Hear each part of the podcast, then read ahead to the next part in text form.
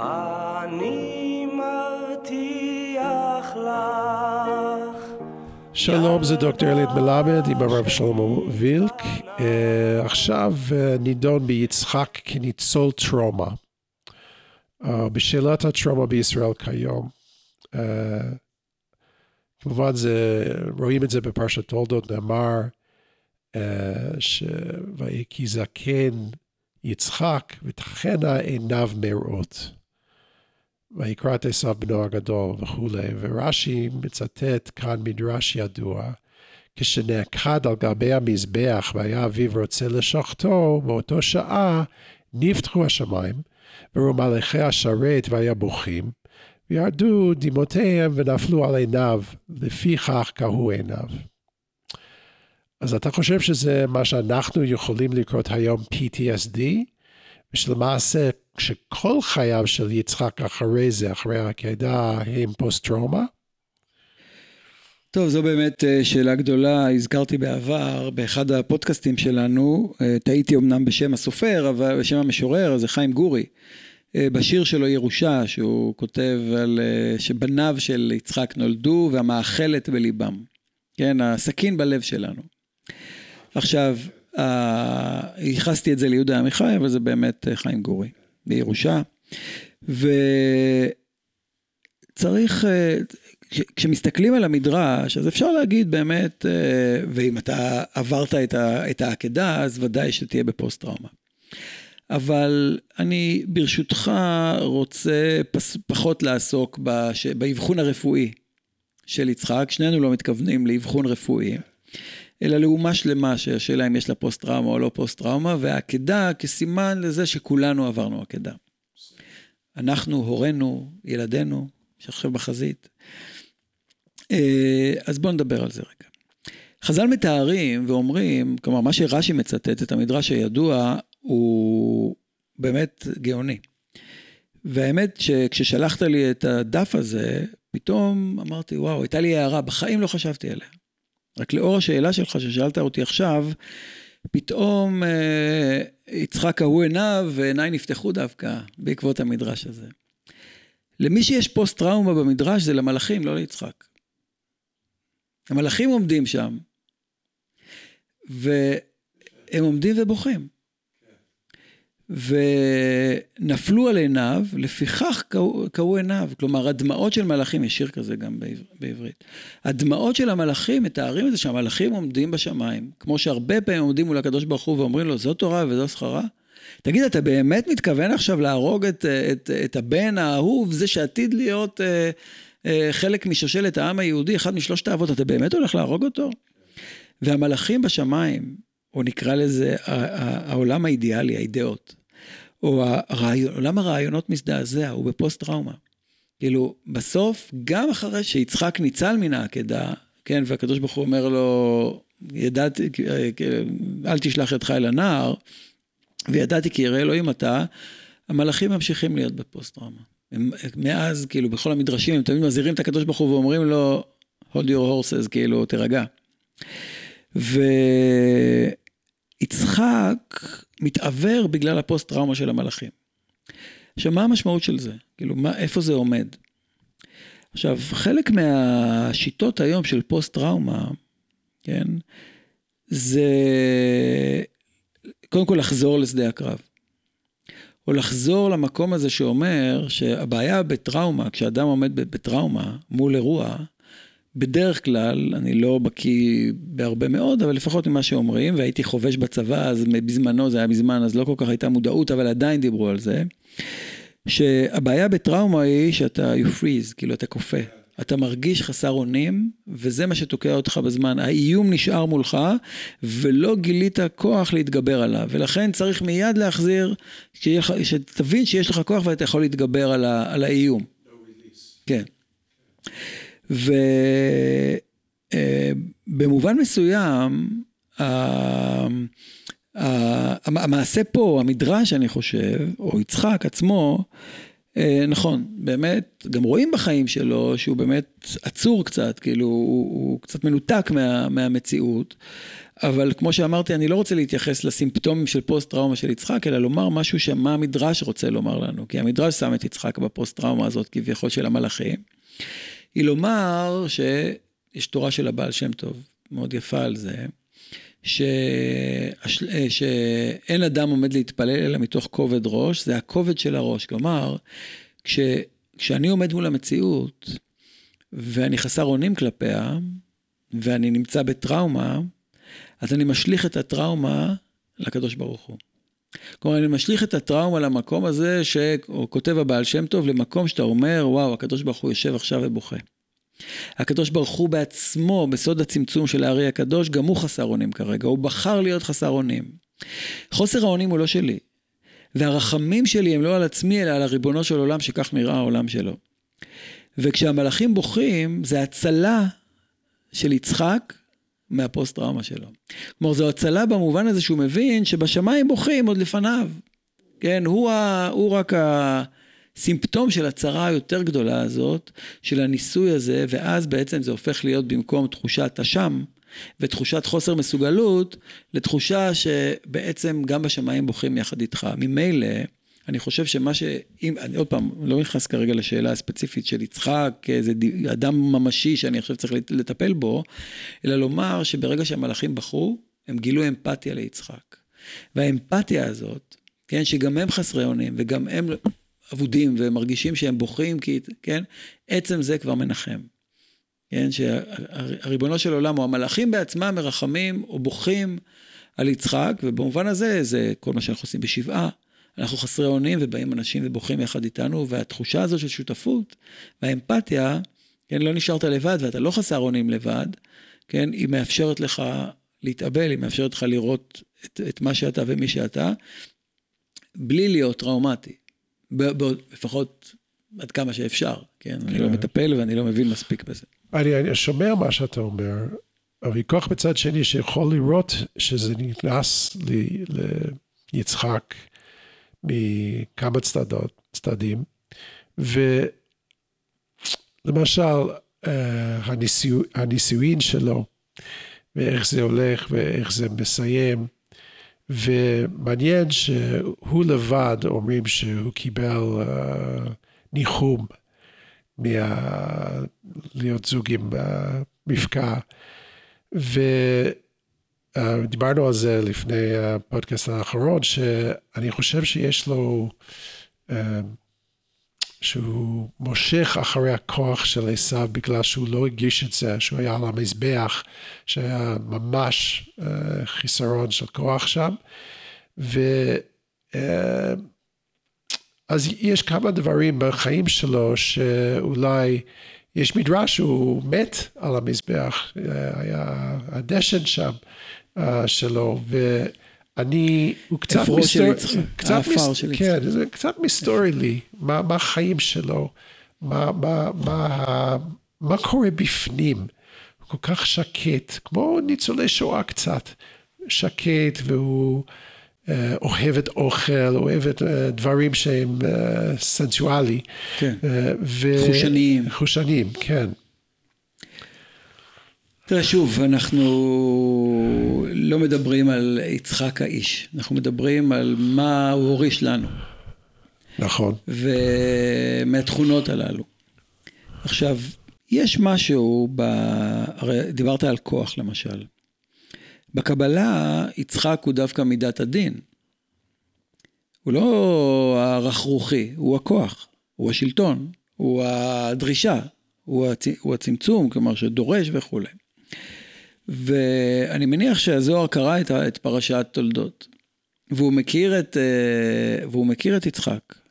ובכל אופן הוא בוחר לומר משהו על זה שאברהם היה חסד, אברהם היה רועה צאן, או אברהם היה איש שדה. ויצחק היה איש דין, דיברנו על עקדת יצחק, שבגלל זה היה ביניהם פער, בין אברהם ליצחק. ישמעאל היה יותר איש שדה, ולכן הוא היה מתאים יותר לאברהם. גם עשו הוא איש שדה, כן? כמו אברהם, איש יודע ציד איש שדה. הוא לא כמו יצחק עובד אדמה. עובדי האדמה הם אנשים אלימים, קשוחים, כוחניים, שומרים על הנחלה שלהם, הם עשירים יותר, הם חזקים יותר דווקא, ויצחק, ויזרע יצחק בשנה ההיא, וימצא מאה שערים. אז אבא שלו היה רועה צאן. בן אחד שלו הוא, הוא איש יודע ציד, איש שדה. Hunters Gatherers, ממש ככה, נכון? והבן השני שלו, איש תם יושב אוהלים, דהיינו הוא כן יושב בבית, אבל בסוף הוא יעבור ויהיה רועה צאן אצל לבן, ויחזור וישב יעקב בארץ מגור אביו בארץ כנען. כלומר, מדובר פה בעצם על זה שיצחק הוא, הוא בודד. הוא בודד במערכה הזאת, במובן הזה שאברהם מבחינתו הארץ לא חשובה. הקדוש ברוך הוא אומר לו תבוא לארץ, הוא בא לארץ, הולך הלוך ונסוע הנגבה, רואה שיש רעב, הולך למצרים. כן, כלומר, הוא לא, הוא לא איש של מקום, הוא, הוא נווד, הוא רועה צאן. יצחק נלחם על הארץ. יצחק הוא הציוני הראשון שלא יוצא מהארץ, והארץ היא שלו, היא הובטחה לאבא שלו. היא לא הובטחה לו, היא הובטחה והוא ממשיך, כאילו, הארץ היא שלו. גם יעקב יברח מהארץ בסוף, הוא יהיה הרבה שנים בבית לבן. בתור רועה צאן כמו עשיו בסוף, וכמו אברהם, אבל בסוף הוא יהיה כמו יצחק, כי הוא יבוא לארץ. יצחק, יעקב יסמן את, הוא יחבר את, את אברהם ואת יצחק. הוא יהיה גם איש שדה, גם איש יודע ציד איש שדה, גנובתי יום וגנובתי לילה, בחורף, בחור, בחור, בקיץ וכולי. ואחר כך הוא נהיה גם יושב, הוא חוזר להיות יושב אוהלים. עכשיו, אני אומר, יצחק, במובן הזה, אולי נשתמש במקום במולה, במילה כוח, נשתמש במילה עוצמה. המילה עוצמה, כוח זה נתפס כמשהו יותר פיזי. עוצמה זה נתפס כמשהו יותר אה, אה רוחני. עוצמה אולי קשור לעצם הדבר, the essence of, of things, כן, הדבר עצמו. ויצחק, אני חושב שיש לו עוצמה גדולה. והעוצמה הזאת היא עוצמה שהיא לא צריכה להיות uh, חיצונית, כמו אצל עשיו. היא, היא משהו שבסופו של דבר, כן, בו, שני בניו, כן, אצל, אצל, אצל, אצל אה, אברהם כתוב, הילד בנים ובנות. נכון? כאילו היו לו עוד הרבה ילדים. ליעקב יש 12 ילדים, כן, שחלקם, שחלקם הגדול נעלם, נכון? ראובן, שמעון, השבטים נעלמו. כן, נשארנו יהודה ולא יודע מה. שני בניו של יצחק הפכו להיות אבות האומה, אבות, שני אומות ענקיות. כלומר, בסופו של דבר הייתה שם עוצמה גדולה שעברה. כן, לא היו לו עוד ילדים. זה לא, לא הייתה לו עוד אישה. לא היה איזה משהו כזה עם כזה אאוטסיידרים של המשפחה של יצחק, הרי בסוף עשיו, כן רע, לא רע, או כל הדברים הללו, קורבן, לא קורבן, כל המילים הללו. בסופו של דבר, ולאום ילאום יאמץ, כלומר, אם שניהם יהיו לאומים, ורב יעבוד צעיר, ויהיה ביניהם סכסוך, אבל הם בסוף כוננו את ההיסטוריה האנושית, כפי שהתנ"ך מתאר אותה, בזרם הספציפי הזה של משפחת אברהם. אז, אה, אז יש משהו, אני חושב, אני הרב, שמעתי מהרב מדן, בעזרת השם נתפלל לרפואת בנו, אה, שנפצע קשה. אה, והרב מדן מאוד כועס כל פעם שאומרים ש, שיצחק הוא פסיבי, כן? הפסיביות שלו מסתירה עוצמה גדולה. כן, השקט ש, ששולט במקום רעש, במקום אה, הצגות, במקום להראות כזה, לנדוד בכל מקום ולהיות מפורסם, הוא דווקא מספיק לו להיות בבית, ובתוך הבית הזה, בסופו של דבר, ציונות שם הייתה. היא לא הייתה אצל אברהם, היא לא הייתה, לך לך מארצך ומולדתך מבית אביך לארץ אשר עריך ואעשך לגוי גדול, זה יצחק. כל השאר לא באו אליי, כלומר, הארץ הייתה אופציה. אז יש תקווה בשבילו, צריכים יותר יצחק בארץ הזאת. אה, כן, צריכים יותר יצחק בארץ הזאת, זה ודאי, כן. אה, ופחות עקדות. בדיוק, כן. אה, אז מצב שלנו, אחרי השבעה של אוקטובר, יש מאמרים אחרונים על ישראל, עולה כי באופן מסוים כל המדינה עברה טראומה, ושאנשים uh, שקריהם נחטפו או נרצח חשים אשמה של ניצולים. העצה של התורה לעם ישראל כדרך לעבור טראומה? אנחנו לא מדברים פה כמו זה לא מקצועיים, אנחנו לא פסיכולוגים, זה רק, שיח, זה רק uh, שיחה. אבל מבחינת התורה, ללמוד להשיג הנאה, אם לא מיד, אז לאורך הזמן. כן, אה, תראה, התורה, אני מניח, אתה מתכוון למסורת היהודית באופן כללי, ולאו דווקא לחמישה חומשי תורה. אה, אבל אם כן נתייחס לתורה, אה, אני חושב שאנחנו מכירים את, ה, את המיתולוגיה לגבי, לגבי תיבת פנדורה, סליחה. בתיבת פנדורה, האלים נתנו, זהוס נתן לפרומטאוס, או בעצם לאמפיתאוס, כן, לאח שלו, אפימטאוס, נתן לו את התיבה הזאת, ואמר לו לא לפתוח אותה, הוא פתח אותה. עכשיו, יצאו משם כל הצרות, והוא סגר מהר את התיבה, והתקווה נשארה בתוך התיבה הסגורה. זה הסיפור. עכשיו, ברור לי שהמיתולוגיה הזאת, מדבר, התיבה כן? בעצם אנחנו קוראים לזה תיבת פנדורה, כן? פנדורה היא האישה, כן? התיבה באמת במיתולוגיה זה כד, כד פנדורה. אנחנו קוראים לזה תיבת פנדורה, אבל זה כד. איך אומרים באנגלית? אה, אה, תיבה זה box, אבל איך אומרים? Pandora's box. ככה זה נקרא, גם כן, קופסה. Pandora's box באנגלית. תיבה. כן. אז במקור זה כד. וברור לי שהכוונה היא לרחם האנושית, לרחם של האישה. תיבת פנדורה היא הרחם. אה. ופתיחת הרחם זה פשוט שהוא שכב איתה. ובני אדם נולדו מתוך הרחם הזאת והביאו רק צרות לעולם. והתקווה נשארה ברחם, ברחמים העליונים. אני חושב שזה מה שעומד מאחורי הסיפור הזה, והסיפור הוא מאוד פסימי. האדם נולד והוא מביא איתו את, באמת במיתולוגיה זה כך, האלים נלחמים בבני האדם, וכי בני אדם עושים רק רעש, כמו שמסופר במיתולוגיות הבבליות העתיקות עוד, כן, שבני אדם עושים רעש והאלים כואב להם הראש, מבני אדם, גם לי לפעמים כואב הראש מהרעש של בני בלי להיות אל, אלי לא אל.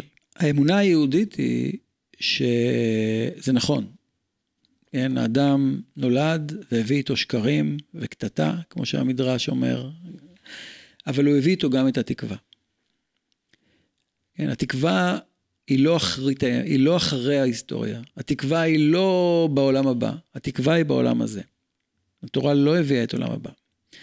והיא טענה שהתיקון יכול להתממש. צריך רק אנשים שיאמינו שהתקווה לא נקברה בתוך הקבר, וחז"ל מתארים, קוראים לה רחם קבר. התקווה לא נשארה בקבר, אלא היא נולדה גם כן. יחד עם האדם נולדה גם התקווה.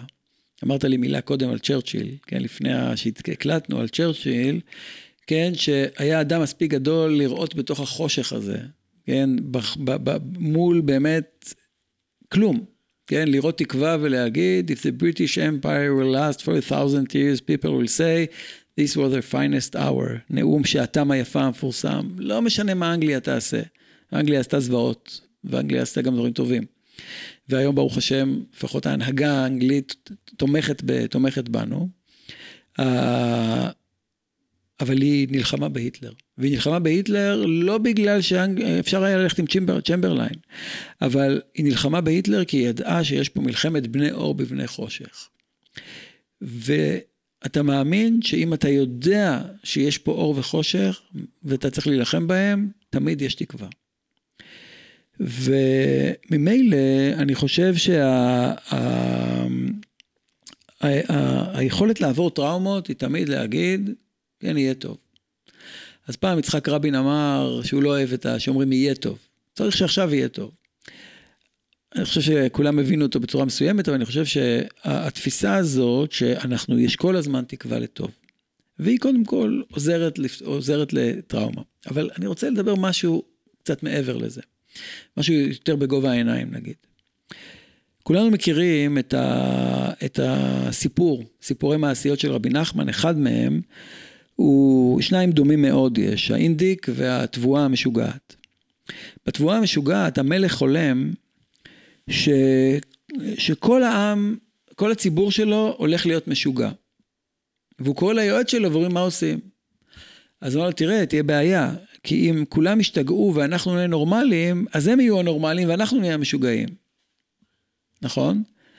ואז הוא אומר, בוא, נס... בוא נשתגע גם אנחנו, נאכל מהתבואה ונשתגע, כן? אבל נשים לעצמנו סימן על המצח שאנחנו נורמלים.